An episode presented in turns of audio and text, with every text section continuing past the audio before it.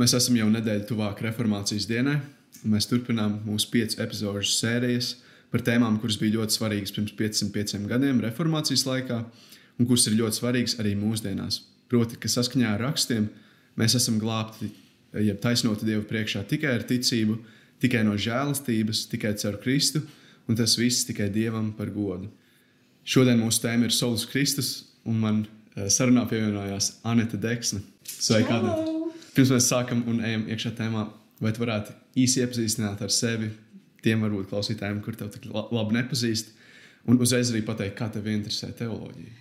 Nu, kā jau Klaus minēja, man sauc Anete, un uh, es esmu um, sieva Edgaram un uh, māma trīs brīnišķīgiem bērniem, un gaidu jau pievienojamies mums ceturto bērniņu. Es uh, pat pēc profesijas, kā parasti cilvēki iepazīstina, ko viņi ir darījuši, es esmu skolotāja, bet jau vairākus gadus to nepraktizēju tādā um, darba uh, līmenī, bet drīzāk vienkārši savās mājās. Un kā man ieinteresēja teoloģija, es Kristu sastapu 12 gadu vecumā pēc smaga pārdzīvojuma, kad zaudēju savu vectēvu.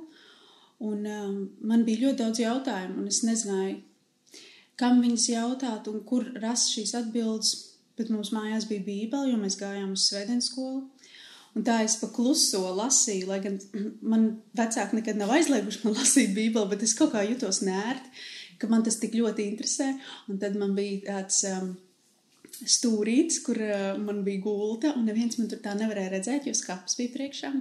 Un tā es klusumā pati sāku lasīt uh, Bībeli. Man, uh, man ļoti daudz kas aizķērās, um, un uh, es rādu daudzas atbildes saviem jautājumiem. Uh, Jo tagad, tā domājot, savos 36 gados, es domāju, ko tad 12 gadīgs bērns vispār var saprast, lasot Bībeli vai domājot par tādiem teoloģiskiem vai apoloģētiskiem jautājumiem. Bet tas bija tas vecums, kad man tie aktualizējās tik ļoti, ka man bija vajadzīgs tās atbildes. Un, un īsumā es esmu ļoti pateicīga Dievam par to, ka Viņš manī tādu vēlmi un deksmi veidoja Jo pavisam nesen man kāda vecāka kundze prasīja, kā tas nākas, ka, ka tu savā dzīvē, lai kas te kā nāk un iet, tu tā, protams, ka tu sabīsties vai kādreiz ir kādas šaubas, bet tu diezgan tā stabili turies. Un, un man tā atbild viņai bija tā, ka tas jau nav no manis, jo īstenībā es esmu ļoti bailīgs cilvēks. Uh,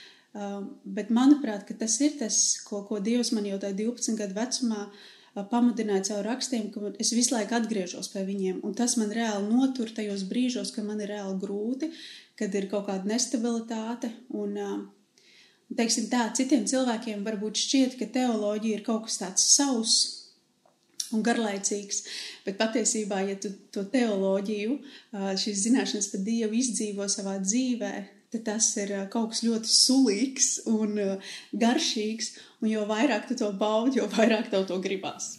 Vai tu teiktu, ka arī tas būtu liels iemesls jaunie, jauniem cilvēkiem interesēties un varbūt sākt vairāk lasīt Bībeli, nu, tieši tajā teoloģijas jomā? Es domāju, pavisam noteikti, bet es arī saprotu, ka katram dzīvē ir pienāk kaut kāds brīdis, kad varbūt ir kaut kāds tieši jautājums, uh, par ko gribas vairāk uzzināt. Un tāpat kā man bija kaut kāds sākotnējs jautājums, neizpratne, piemēram, par šie, tieši to, ko es minēju par vectēvu aiziešanu, kas tad īsti notiek ar cilvēku pēc nāves. Un tas bija tas jautājums, uz ko es meklēju atbildes un ko es gribētu, kas ar mani notiek.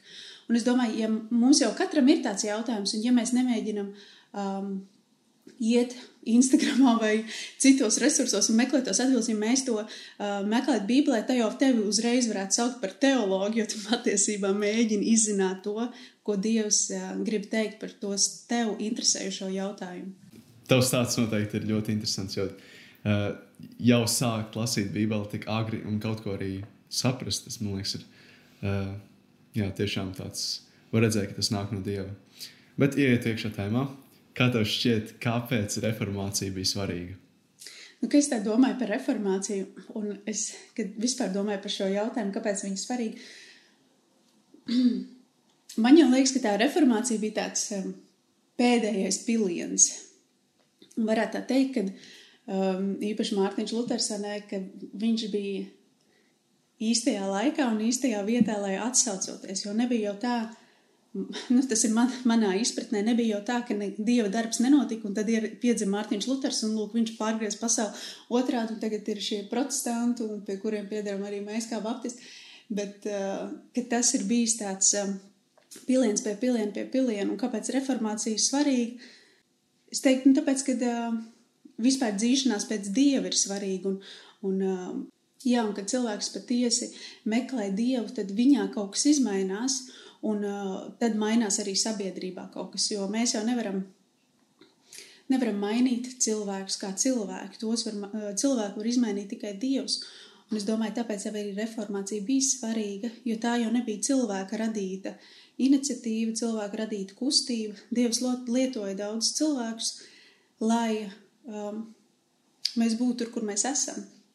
Un, ja tā godīgi, man liekas, ka reformācija bija svarīga, un reformācija ir svarīga arī šo, šodien, jo ne jau visos jautājumos mēs esam tikpat um, nu, tikpat skaidri kā, kā reformātori tajā laikā. Ja mēs šobrīd esam tik daudz ko pievilkuši klāt, ka gandrīz gribētos teikt, mums ir no jauna visu laiku jāreformējās. Un kā, kā Pāvils saka, vai ne ikdienas, ja, kad atjauno to iekšējo cilvēku savā ziņā tā reformācijai, tā šķīstīšanai mūsos iekšā ir jānotiek ikdienas. Un tāpēc tā bija svarīga vairāk kā 500 gadus atpakaļ, bet arī tikpat svarīga šodien, jo īsumā bez tā jau mēs, mēs nevaram nu, pieaugt mūsu ticībā.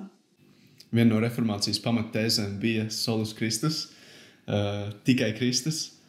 Kā tev šķiet, uh, labi, nevis kā tev šķiet, bet drīzāk kā tu definētu vai aprakstītu šo uh, doktorīnu vai mācību? Gan domājot, gan lasot par, par šo, man vispār ir tāds liels pagodinājums, ka tu man vispār kaut ko tādu esi uzticējis tā no savas perspektīvas teikt. Uh, Jo visur, kur es lasīju, visi teica, visas pārējās solis bez šīs solis neeksistē. Un, uh, un tā jau ir, vai ne, kad uh, mums jau var būt ticība mm, uz jebko. Mēs varam uh, kaut kam par godu dzīvot un, un visu, bet ja centrā nav Kristus, tad būtībā viss tās pārējās ir piecas arī pajūk. Un, nu, es varbūt definētu to soli Kristus ar ļoti tādu netipisku piemēru Šī nebūs uh, kāda definīcija no Oksfordas vai no latviešu valodas kādas vārdnīcas, um, bet kā es to izprotu, kad Kristus ir, uh, ka ir vienīgi Kristus, tikai Kristus, un ka viņš ir dzīves centrā. Um, kādus vairākus gadus atpakaļ es dzirdēju tādu vienu ilustrāciju, kas ar mani ir palikusi visu šos gadus ejam. Um, varbūt jūs zinat, ka ir bērniem tāds uh, tornīts, ko viņi būvē. Tā kā vidū ir tas uh, stabiņš, un viņam jāliek riņķi ir virsū. Un viņš, nu, viņi var sakārtot dažādā secībā, bet pēc būtības ir šī pareizā secība, kā viņi sakārtot, bet tas kodols nemainās. Un tas man ir manā ticības dzīvē daudz palīdzējis, domājot arī par savu dzīvi, kad, ka Kristus ir visu laiku centrā un man apkārt varbūt um, mazais riņķītis izrādās beigās ir uzlikts nepreizajā vietā, viņš ir tuvāk apakšai un lielais ir vairāk virspusē, bet tas centrs nemainās. Un man liekas līdzīgi arī ir ar tikai Kristu, ka mūsu dzīvēs daudz kas mainīsies, arī pat mūsu ticībā un pārliecībā, izpratnē par Dievu, mums pieaugot, ejot uz priekšdzīvē, pārdzīvojot kādas lietas, daudz kas mainās. Tas, protams, vienmēr mums jāskatās, ir, kas mainās uz labo un kas nemainās uz labo pusi. Bet, ja, ja mainās uz to labo pusi, tad, um, tad mums vienmēr tas centrs paliek Kristus. Un, un es nesen lasīju citu ilustrāciju, kur uh, kāds teologs Pakers bija teicis to, ka tas um, Kristus ir tā kā centrā, un tad uh, tās pārējās solis ir kā ritens, un, un, un, un viņš būtībā var tā iet uz priekšu un, un um, kustēties, jo Kristus ir pašā centrā. Tā kā es teiktu, ka tā būtu tā mana definīcija, kad ka Kristus ir dzīves kodols. Jo mēs pēdējā, ne pēdējā laikā, bet arī jau uh, sev agrā ticības dzīvē daudz dzirdēju par to, ka Kristus pirmajā vietā, tad tev ģimene vai, vai vēl kaut kā tā. Un man ir bijis ļoti grūti ar šo. Kā saprast, ka tad Kristus ir manā, manā dzīvē pirmajā vietā? Jo īstenībā dažreiz man liekas, ka es vairāk vai nu savu laiku vai domas veltu kaut kam citam. Bet, tā, bet šī ilustrācija, ka Kristus ir mana dzīves centrā, kā kodols, un visas pārējās lietas kā, būvējās un mainās, bet viņš ir vienīgais, nemainīgais, uh, man ir daudz palīdzējusi nu, tieši tajā izpratnē, um, tuvojoties viņam.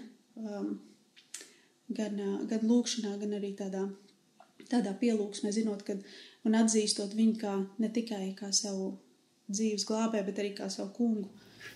Tas ir tā skatoties mūsu personīgās dzīvēs. Man ļoti patīk, kā tu to definēji un iedevi piemēru ar tiem riņķīšiem. Bet man, man personīgi pēdējā laikā bijusi ļoti svarīga tēma tieši evanģēlijas, tāda ļoti aktuāla tēma. Un, tāpēc es gribēju pavaicāt vairāk tādā evanģēlīja kontekstā, kāpēc tikai Kristus, kā šī solus Kristus doktrīna atšķir patieso bībelisko evanģēliju no citiem viltus evanģēlijiem, kas nevar cilvēku glābt. Es noteikti nezināšu visas, visas aspektus tieši kā ir uh, reformātori un gad, uh, šo gadu laikā arī teologi tieši formulējuši no dažādiem aspektiem tieši kā, um, kā Saula Kristus ir um, nu, atšķir šos viltus evaņģēlijus, bet kaut vai domājot par pa, pašai par sevi, kā tas man ir, um, es domāju, ka mēs uh, nereti aizmirstam, ka vispār nav evaņģēlijas bez Kristus. Nav, nav, nav pat tā, ka mēs dažkārt sludinām Kristu un plus kaut ko. Dažkārt mēs vienkārši sludinām it kā evaņģēliju, bet viņā nav vispār pat Kristus. Un, uh, kad ir šī kaut kāda labā vēsts, bet kas tad ir tā labā vēsts? Jo šobrīd ir tā, ka uh, mēs esam tādā situācijā, kad um, ka tomēr cilvēkiem ir radušies šis iespējas, ka katram ir tā sava patiesība, un, un piemēram, tev labā vēsts ir, lai gan mēs zinām, ka evaņģēlīs tā arī nozīmē labā vēsts, un la, tev labā vēsts, piemēram, pārnākušam mājās, izsalkušam ir labā vēsts ir tas, ka tev būs ko ēst. Bet mēs, manuprāt, arī esam to paņēmuši līdz tādam, kad, uh, Nu, jā, es esmu piemēram uh, grūtā situācijā, un, un, un man nelīdz Kristus man šis vairs nav man evaņģēlijs. Un man tas liek domāt par to, ka, nu redzi, mēs sakam, Kristum mirstot pie krusta, viņš, Dievs parādīja savu lielo mīlestību. Bet ja cilvēki negrib justies tā mīlēt, viņi šobrīd grib justies citādāk mīlēt, viņi grib, lai, lai Kristus atbild uz viņu šī brīža lūgšanu vai īpašo vajadzību. Un es domāju, tad jau arī tiek sagrozīts šis mūsu uzskats par Kristu un par evaņģēliju, jo mēs Kristu skatāmies uh, tikai caur sevi, uh, caur savām vajadzībām.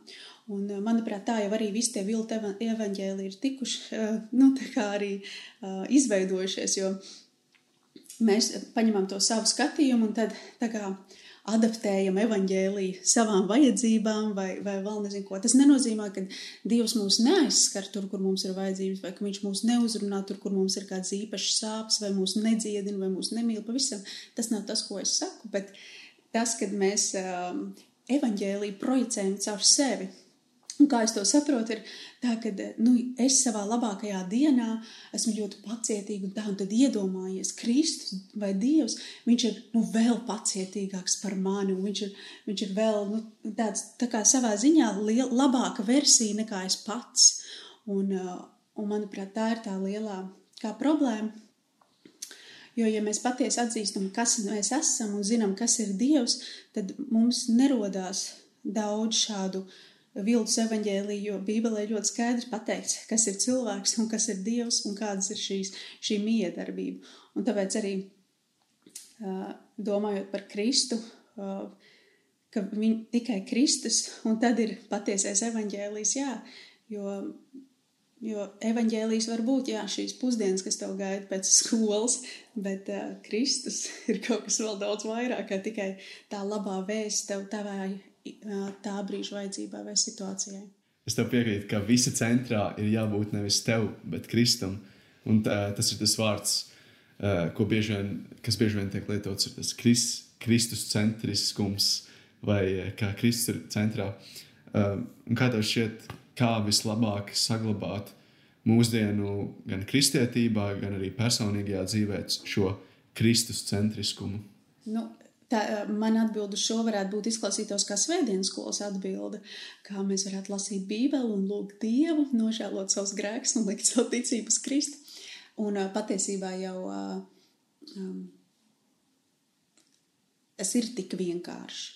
Jo pats Kristus ir norādījis uz bērniem, uz viņu ticību, ka ar to pilnīgi pietiek.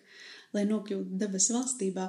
Un mēs esam tik daudz ko sarežģījuši, jo mums liekas, ka tam jābūt kaut kam dziļam un sarežģītam, un, un taču noteikti ir jābūt kaut kam vairāk um, nekā tikai, ne tikai šai, šai ticībai, šai uzticībai tam, ka Kristus tevis dēļ ir miris un uh, augšām cēlēs, lai, uh, lai viņš, kā viņš ir teicis, ka viņš ir ceļš, patiesība un dzīvība, un neviens nenāk pie tēva kā viens caur mani, uh, Un ka būtībā viņš atjauno šo iespēju mums būt uh, atkal pie tēva.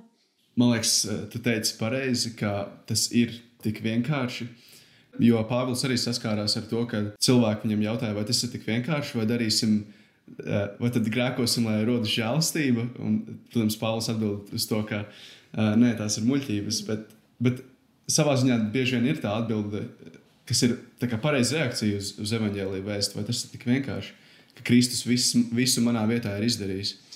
Nu jā, piebilstot par to vienkāršību, es domāju um, par tiem stāstiem, kas aprakstīti evaņģēlijos, kur cilvēki sastopās ar Jēzu. Un, protams, bija kādi, kas bija raksturmācītāji, viņi tur argumentēja, un, un bija kādi raksturmācītāji, kā piemēram Pharizējs Nikodēms, kurš tomēr no sirds gribēja iedziļināties un pa kluso gāja.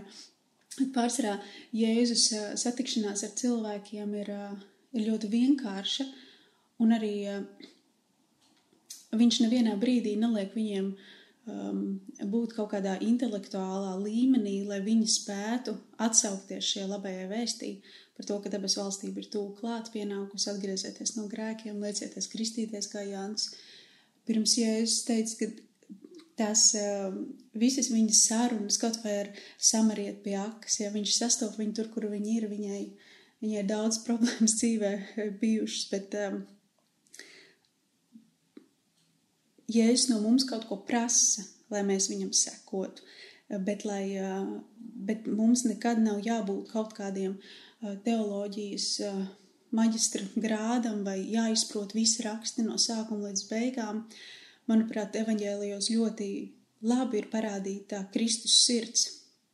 Un tā nav tikai Kristus sirds, bet tā ir īstenībā Dieva tēva sirds, ko Kristus parāda ar to savu vienkāršību, ejot pie cilvēkiem un palīdzot viņiem. Un, nu, jā, un tādēļ man šķiet, ka arī mēs savā gan retorikā, gan darbos dažreiz mēdzam sarežģīt šo. Mums liekas, ka cilvēkiem neinteresē uh, evaņģēlijas, vai ka viņi negrib dzirdēt par Kristu. Nu, ko tad es bāzīšos viņiem virsū ar savu ticību? Vai arī uh, gluži otrādi, uh, nu, tas izklausās pārāk vienkārši arī, kā tu teici, ne, ka mēs mēģinam pielikt kaut ko klāt, nu tad jābūt kaut, ja tu neesi kaut kā no sevis kaut ko atdevis, tad tu tam negribēsi sekot vai ticēt. Un, un tāpēc mēs savā ziņā paši radam kaut kādus viltus evaņģēlijas un, un aizējām prom no tā, tās vienkāršības, ko īstenībā pats Kristus ir. Bet tas arī nav tā, ka, um, ka tas ir lēti, uh, jo otra galējība, kur mēs varam nonākt ar šo vilnas evaņģēliju sarežģījot, ir viens, un otrs ir padarot evaņģēliju par lētu preci. Aptuveni ņemiet šeit mētājās, kā dažkārt ir, ka tu ej vecerīgā un tev dara dāla flyers, un tas cilvēks tur stāv un 5 metrus tālāk visi jau mētājās pa zemi. Evaņģēlijas arī nav tāda vēsts, kur mēs vienkārši tā labi pa kreisi vienkārši metam, metam, metam un uh, padaram viņu tik lētu un nevajadzīgu, jo tā tomēr Kristu maksāja, tas maksāja pilnīgi visu. Un, jā, ka evaņģēlijs ir vienkārši savā būtībā, bet viņš nav lēts. Tad nobeidzot, vai tev būtu kāds novēlējums klausītājiem, ņemot vērā, ka lielākā daļa man klausītāji ir tādi jaunāki cilvēki? Protams, man būtu novēlējums par daudziem praktiskiem soļiem, ko jums, ko jums ieteikt, ko darīt. Bet pati galvenā lieta, ko es domāju, gadiem ejot, es esmu sapratusi, ka es ļoti maz saprotu, kāda patiesībā ir tēva sirds un uh, Kristus sirds uh, pret mums kā cilvēkiem, kurus viņš pats ir radījis. Um, tā apziņa, ka Dievs tev mīl, mums jau to kādiem no mums agrā vecumā jau vecāki ir teikuši vai dziedājuši dziesmā, uh, Jēzus man ļoti mīl, tā ir rakstīts Bībelē, un tā ir patiesība. Bet šī izpratne par Dievu mīlestību pret mums, uh, lasot rakstus, dažreiz uh, mēs tās divas lietas nodalām. Mums liekas, ka uh, domāt par Dieva mīlestību ir jauki, un tad tu nonāc līdz rakstiem, un tas ir tik garlaicīgi. kā lai es tieku caur tai vecai dērībai un, un ārpēc un visi tie baušļi un tie likumi, kas tur jālas. Gan drīz varētu tā teikt, ka tas nogalina to dzirksti. Bet patiesībā, um, jo vairāk uh, Dievs man atklāja sevi un to savu mīlestību caur Kristu un Svēto garu, jo vairāk es varu arī ieraudzīt visā Bībeles uh, kopumā, ka nav tā, ka jaunajā derībā ir šis jaukais dievs un vecajā derībā ir sliktais dievs, un tāpēc es lasīšu tikai jauno derību, bet ka tā Kristus sirds atvērtība un tā mīlestība, un tas, ka nav bijis tā, ka viņš visu vecās derības laiku ir garlaikojies debesīs un nevarēs sagaidīt, ka viņš beidzot nāks šai pasaulē, lai vismaz kaut ko izdarītu mūsu labā, bet ka jau no pašiem, pašiem sirds dziļumiem, kad pirms vispār pasaule tiek radīta, ir rakstos rakstīts, ka Dievs mīlēja savu dēlu pirms pasaule tika radīta, un kad no, šī, no šīs lielās mīlestības rodas viss pārējais. Un mīlestība šobrīd ir tāds vārds, kas ir tomēr kļūst tāds pat banāls vai nonievalēts līdz tādam līmenim, kad mums tā grūti pat uh, saprast, ko tad ar to īsti tas nozīmē. Un tāpēc mans tāds novēlējums būtu um, neskatīties tik daudz apkārt, ko tas nozīmē, vai kāda būtu īstā definīcija, bet, uh, bet ļauties šai, šai mīlestībai no Dieva. Jo patiesībā tas mūsu lielākā problēma ir tā, ka sirds dziļumos mēs um, domājam ļoti daudz ko sliktu par Dievu. Un mēs to pat skaļi neatzīstam, mēs to varam pat notušēt aiz mūsu kalpošanām, bet um, jo vairāk mēs iepazīstam Dievu, mēs tiek izgaismots tas, uh, cik ļoti uh, mēs viņam neusticamies, cik ļoti mēs apšaubam viņa labestību, cik ļoti mēs apšaubam, vai tiešām viņa plāns bija labākais variants manai dzīvei. Tāpēc mans iedrošinājums ir jāturēties, turēties pie Kristus caur rakstiem, un lai svētais gars jūs vienkārši ļaujieties viņa vadībai un audzināšanai. Jo būs jau daudz mums te apkārt audzinātāji, gan mūsu pašu kultūra, gan mēs paši. Bet, jā, ka tā, kā Pāvils lūdza šī slavenā lūkšana Efes vēstulē, kur mēs varētu izprast, cik dziļa, cik plata, cik augsta ir Kristus mīlestība un no tā jau. To izprotot un, un šādu lūgšanu lūdzot par sevi un par saviem tuvākajiem draugiem, radiniekiem, es domāju, ka tad notiek šī iekšējā reformācija, kad, kad tu um, saproti, ka tu esi vēl ļoti tālu. Man ļoti patīk, ka, um, ka mēs bieži sakam, nu jā, es esmu gatavs sekot Kristum tā, un es, es bieži vien lūdzu lūgšanās, uh, Dievs, es tevi mīlu, bet māc man mīlēt tevi vairāk, jo īstenībā visa šī dzīve uz zemes ir tāds turpinošs process līdz brīdim, kad mēs stāvēsim viņu troņu priekšā un tad mēs beidzot varbūt izpratīsim. Un es tā ļoti ceru, ka tad es beidzot varēšu no nu tā līdz galam baudīt to viņa mīlestību, nevis domāt, ka, ka tur ir kā šajā dziesmā saka strings attached. Paldies tev!